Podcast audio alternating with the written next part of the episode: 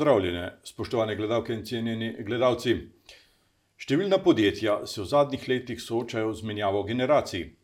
Poslovneži, ki so ustanavljali podjetja ob koncu 80-ih let, počasi spremenjajo svoj status in se selijo med upokojence.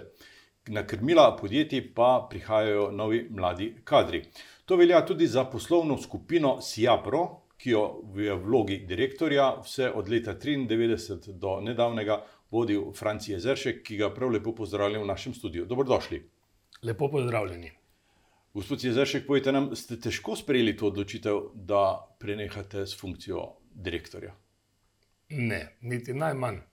E, to odločitev smo planirali že nekaj časa in smo se že zadnje tri leta pripravljali na to potezo, in prišel je dan, ko se je to zgodilo. E, poslovna pot vašega podjetja, e, takrat pod imenom J Engineering, d. o. o., sega v leto 1993. Takrat je bilo ustanovljeno. Res je. To podjetje je bilo ustanovljeno kot podjetje zraven redne službe.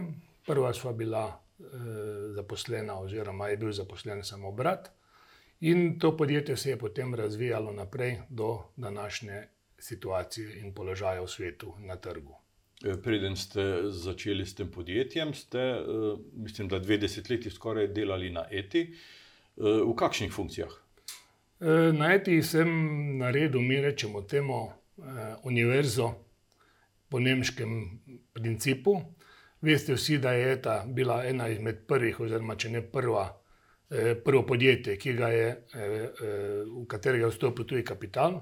In mi smo takrat začeli po postopku, kakor je v Nemčiji navaden. Začeli smo od navadnega tehnologa v orodjarni, pripravnika, napredovali do vodja strojev in naprav oddelka in nato kot vodja vzdrževanja na oddelku livarne. To smo delali več kot dvajset let. Pa vendar, potem je prevladala ta vaša podjetniška žilica, da greste na svoje. Je bilo to pogumno dejanje? Ma, ne vem, z današnjega vidika, če gledam, je bilo prepozno. Če gledam s takratnega vidika, je bilo dobro, ker si se naučil veliko res pravih podjetniških prijemov in eh, kalkulacije stroškov, ker je osnova neke, nekega podjetništva. Ampak, eh, ko si predolgo časa v nekem okolju, se začnejo, če imaš neke nove izzive, začne malo pojavljati dolgočas oziroma enoličnost na delovnem mestu. In tako so prišli tisti trenutki, ko se je bilo treba nekaj odločiti. In to je bilo leta dva tisoč, ko smo se potem res odločili, da gremo naprej in dva tisoč pet intenzivno začeli razvijati in zaposlovati v podjetju J Engineering še takrat. E, od nekdaj pa vas je zanimala e, energija vode, hidroelektrarne. Od kje je to zanimanje pravzaprav? Ja, to je že iz e, osnovne šole. Imeli smo enega moža v vasi, kjer sem se rodil, ki se je stalno ukvarjal s temi mlinčki na vodo, in pol se je to preneslo nekako naprej. In leta 1982 že smo nekako naredili prvo elektrarno pri Močniku v Gorjah, kjer smo se začeli učiti te pionirske korake, in potem je pa zadeva začela intenzivno se razvijati naprej. Leta dva tisoč pet ste program, vašega podjetja razširili tudi na področje livarstva. Za katere proizvode? Ja, v službi v Eti Cerkno sem seveda delal kot, vodja vzdrževanja v livarni, kjer smo tudi pridobili znanje strani livarstva. Dva tisoč pet, ko smo pa svoje podjetje začeli, smo pa videli, da je na trgu predvsem pomanjkanje pravih inženiring rešitev. In se pravi, vsaka stranka oziroma vsak investitor hoče imeti rešitev v celoti na ključ, ne samo neki del nekega stroja ali opreme. In tule smo se začeli ukvarjati z livarsko opremo, ki je vsebovala v glavnem vse od, da rečemo od A do Ž, v bistvu tudi projekti od greenfielda naprej realizirani. V to sodi tudi področje jeklarstva in področje, fine obdelave površin. Drži. področje jeklarstva je posebno področje, zanimivo. v jeklarni ni vojna tajna Jesenice.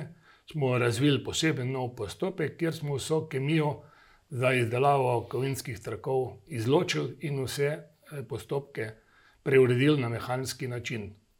Se pravi, okolje in energija je to tisto, kar je nas je vodilo, in v Akroniju smo naredili ekološko čist projekt, s katerim zdaj intenzivno tudi delajo na izdelavi jeklenih trakov.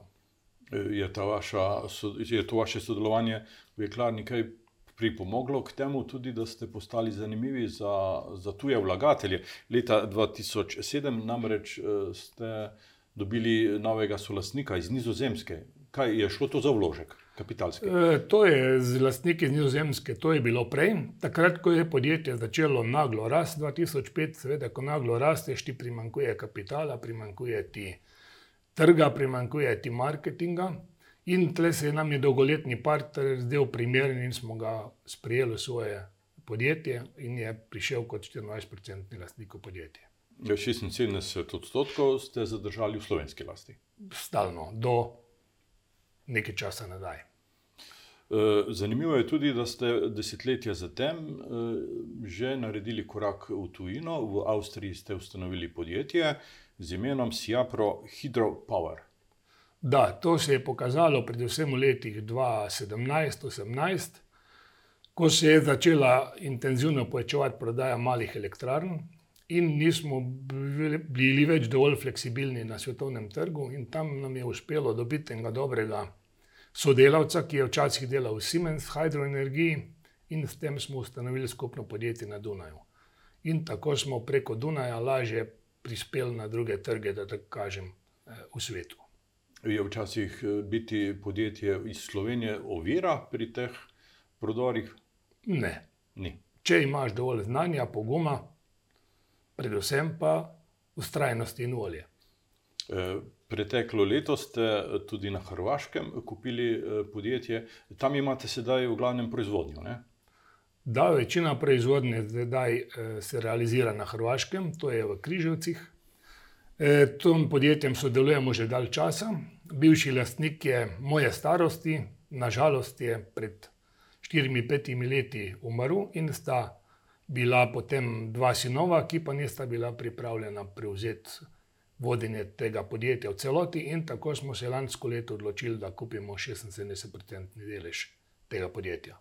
Eh, niste kupili samo delež, ampak ste dobili tudi zemljišča, tovarno in Vse. tudi ljudi. Ne? In ljudi. In znanje. In znanje. 70 zaposlenih, ne 60. 48 zaposlenih stalno in še približno 10 do 15 zunanjih sodelavcev na Hrvaškem. Eh, danes celotna skupina eh, SIAPRO zaposluje, mislim, da okrog 70. 70 do 80. Je to, to je odgovornost. Ja, še kar. Vsak mesec hočejo, oziroma je pravilno, da ljudje imajo plače. Zadnjih 30 let, oziroma odkar je to podjetje, so jih imeli vsak dan točno in tako tudi skrbimo v bodoče. E, področje delovanja ste v tem obdobju e, razširili, najbrž v skladu s popraševanjem na trgu. Da, z podjetjem na Hrvaškem smo pridobili predvsem še področje tržišča transportne tehnologije transportni trakovi, drobilci in podobne zadeve. Eh, s tem ustrezno smo tudi povečali realizacijo celotne grupe. Podjetje na Hrvaškem letno realizira, letos bo imelo realizacijo okrog 4,5 milijona evrov. Eh, realizacija celotne skupine pa gre kje? Bo pa letos nekje okrog 9 do 11 milijonov evrov. Eh, v finančnem smislu dosegate zelo dobre bonitetne ocene. Ja, zadnje štiri leta smo po Danem Bradstreet dobili oba, vsa štiri leta platinasto odličnost, kar pomeni, da vse obveznosti do zaposlenih, dobaviteljev in ostalih poravnavamo pred rokom ali v roku in da imamo ustrezne poslovne rezultate. Vrniva se nazaj eh, na istočnico tega pogovora, to je menjavo lastništva, menjavo poslovodstva. Eh, Franc Jezeršek in Marjan Platiše se umikata iz lastniške strukture. Eh, tako se je glasila novica, ki je pred dnevi zaokrožila eh, po medijih. Dva lastnika, partnerstvo. Včasih se je reklo, da v Španoviji ni prav dobro poslovati, vaš primer je drugačen. Ja, Marjanom se poznava že od zmeraj, bom rekel, od mladih let. In nekako smo bila dober tandem. Jaz sem bil operativec in tehnik, on ima pa več ustrajnosti v papirologiji, kakor jo imam jaz. E, Je bilo kaj ponudb, povpraševanja iz tujine za odkup celotnega podjetja? Včasih se zgodi, da tudi da konkurenca kupi koga. Ne? Ja, to smo imeli kar nekaj ponudb, bilo jih je več, tudi za boljšo ceno, kot smo na koncu se, se dogovorili, ampak denar ni vse. In eh, s tem namenom nekako je bila želja, da podjetje naprej deluje, da se razvija. Je ena, bom rekel, mm, zadeva, ki nam, ni, nama, meni in Marjan, ni preveč všeč, ker naši potomci niso bili pripravljeni prevzeti podjetje. Tako da smo se odločili, da podjetje vseeno damo, da ga prevzamejo notranji zaposleni v podjetju. E, Ta model e, notranjega prevzema je pravzaprav zanimiv, ne? E, ker ohranja vsem zaposlenim delovna mesta in jim daje nove priložnosti. Točno tako.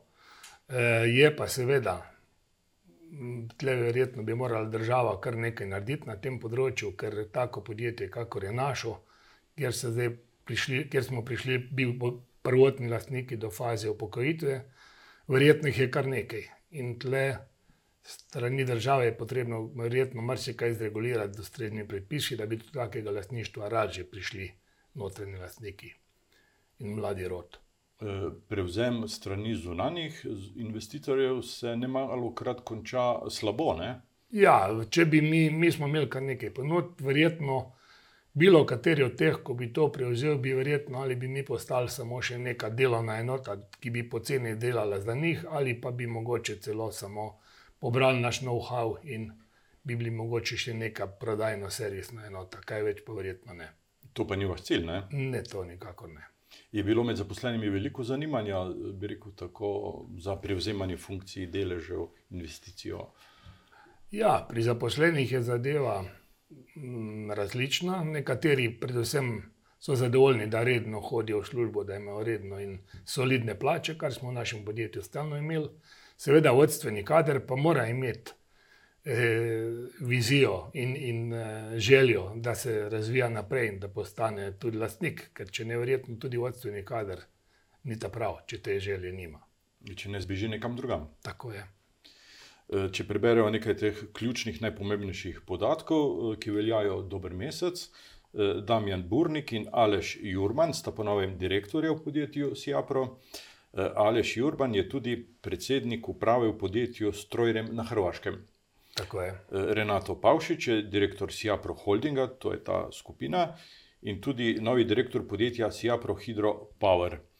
Marjan Platišaj ostaja prokurist ter predsednik nadzornega odbora v podjetju Strojrem, Francija Zeršek pa zunani svetovalec. Tako je. Podatki so pravilni. pravilni. Bila je samo ta varianta, kako smo jo eh, sprogramirali in realizirali, da se je prevzem lahko izvršil samo preko ustanovitve tega holdinga, ki so ga ustanovili teli notranji lastniki. Kakšni so prvi odzivi v poslovnem okolju? V poslovno okolje smo do časa seznanili, mi imamo vsako leto poslovno konferenco, tudi eh, letos smo imeli in mi smo glavne kupce in poslovne partnerje že tudi dve, tri leta pripravljali. Tako da to za njih ni bila neka ekstra novica ali pa bomba iz jasnega. E, V vašem portfelju sem e, dobil tudi podatek, e, da ste lastnik patenta za celo Evropo. Za kakšen patent gre?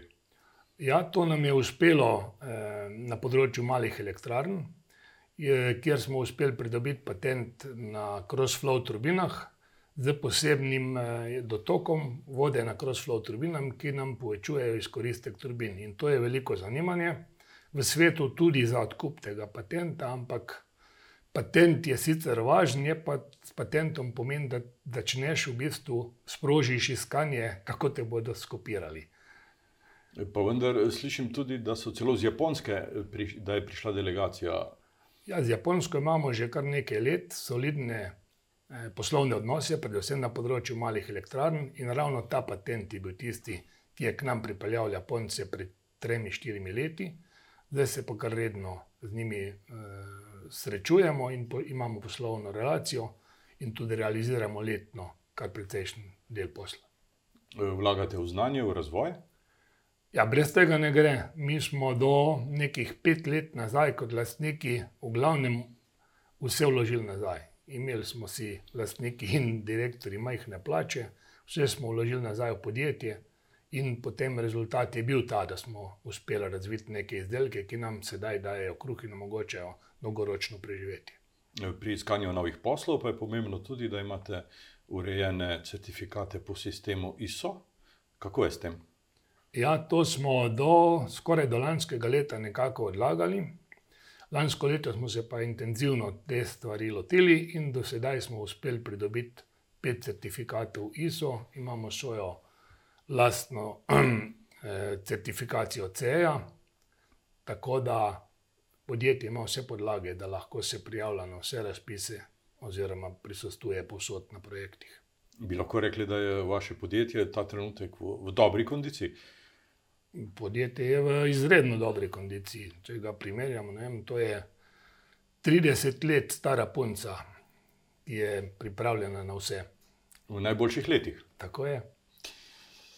Eh, poslovno okolje, delujete eh, na mostu na Soči, imate eh, en oddelek, sicer v pisarni, pa tudi v crkvi. Povejte nam, je crkljanska prijazno poslovno okolje do investitorjev in poslovnežev? Ja, to ne bi moglo ravno reči, da je prijazna, ker vsak postopek traja ne veš koliko časa. V poslovnem svetu pa vemo, da danes to težko gre. Odločitev je ipak treba sprejemati dovolj hitro, in na podlagi hitrih odločitev se lahko potem poslovne priložnosti ujame, če ne pa zbežijo. E, za Cekljansko je značilno, da je večina ljudi zelo veliko zaposlenih na eti. E, težave v tej branži pa pomenijo tudi veliko težav za veliko družin na Cekljanskem. Kako gledate na to monokulturnost? Ja, naša osnovna strategija našega podjetja je, da bomo dodano vrednost imeli leta 2025 100 tisoč evrov na osebo, na zaposlenega. Trenutno je to nekje 78 tisoč evrov.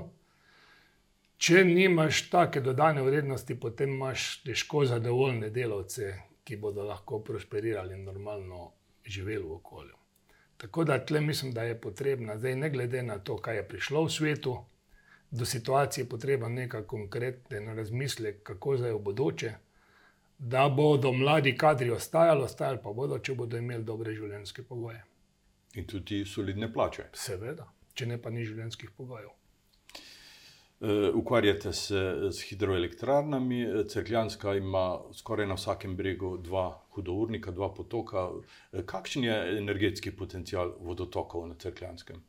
Ja, to je stara zgodba. To smo že 20 let nazaj nekako predvideli, preštudirali. Crklanska bi lahko imela nekje okrog 2,5 MW inštaliranih malih elektrarn, s tem, da ne bi vplival v naravno okolje, ga ne bi pokvarilo. Vse se da narediti danes tako, da je minimalno obremenjujoče za okolje. Glede na samo politiko občin in prostorskih planov, pa očitno tega ne bomo naredili, ker mislim, da v prostorskem planu je vsa gradnja teh malih elektrarn izločena trenutno in ravno tako vetrnih elektrarn. Zakaj? Ne vem, meni to ni razumljivo. Leta 1994 in kasneje ste bili več mandatov tudi občinski svetnik. V tistih letih ste do dobra poznali delovanje lokalne skupnosti. Spominjam se vaši projekti, kot so Toplarna crkva, obrtna cona, usklajen razvoj izkoriščene potencijala majhnih hidroelektrarn in vetra pa termalni center, eh, takrat eh, ste tudi predlagali, vendar ti predlogi niso zaživeli. Ja. E, ko se je začela občina Češnja, smo res z velikim entuzijazmom stopili v ta občinski svet kot svetniki. Predvsem jaz nisem gledal na neko strankarsko pripadnost, ker smo smatrali, da bo občinski svet deloval tako, da bo občina največ imela od tega na mojo razočaranje in žalost se je pač to izkazalo, da se je predvsem, da je to postal poligon igranja med političnimi strankami in preglasovanja. In tako sem se jaz potem leta 2000 odločil, da iz tega, bom rekel, eh, se distanciram, ker je bilo to nekako po domači povedano mlatenje prazne slame. Rezultati so pa danes vidni. Vaši, vsekakor, občinski pa tudi. Ja, obojni. Stanje v občini je tako na prvo žogo zaskrbljujoče, ni najbolj uh, rožnato. Kje vidite rešitve? Ja, nikoli ni tako slabo, da ne bi moglo biti še slabše. Tako da treba je res narediti ABC prioritete, treba se je lotiti intenzivno, ne stokati, ampak treba je začeti od ADŽ. Kaj je najbolj pomembno pri malih projektih, ampak tiste, ki jih zastaviš, jih moraš realizirati. In potem to potegne s sabo še večjo množico ljudi, sigurno, ko enkrat vidijo, da se to ne bi konkretno o projektih v tem trenutku, ker mislim, da je lahko potegnemo iz 15-20 let nazaj ven tiste projekte, pa jih lahko kar poved začnemo realizirati.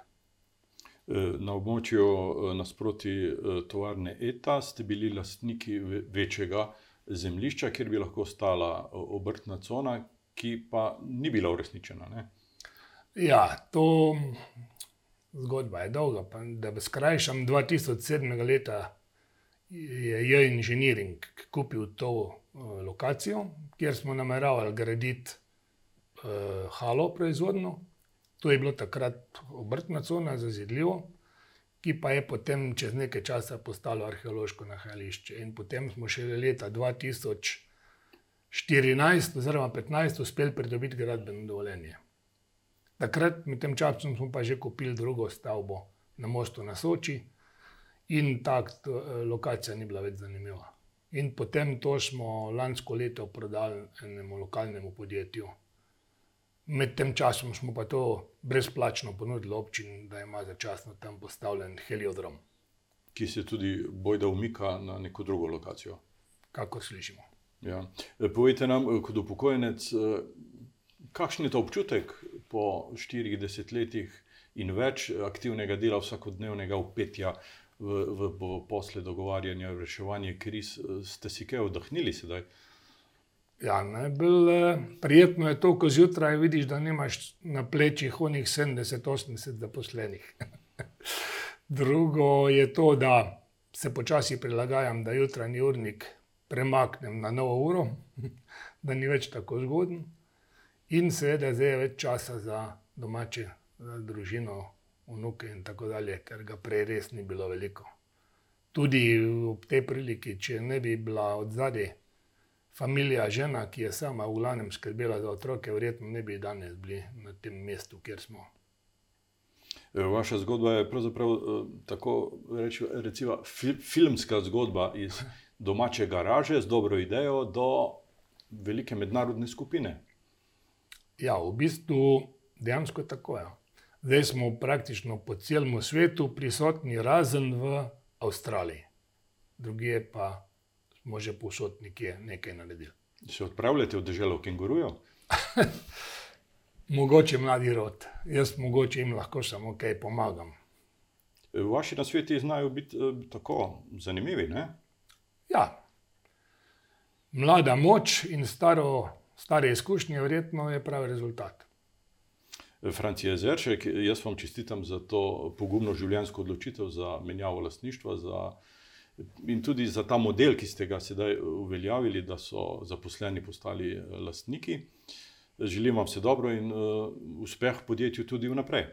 Ja, hvala lepa vam in tudi vso srečo našim novim lastnikom, da tako rečem, in vodstvu podjetja SIA Pro in upam, da bomo imeli čez nekaj pet let spet en podoben intervju, ampak ne jaz, kdo drug, da bo predstavil nove uspehe. Vsekakor dobrodošli v našem studiu. Hvala za ta pogovor. Hvala lepa.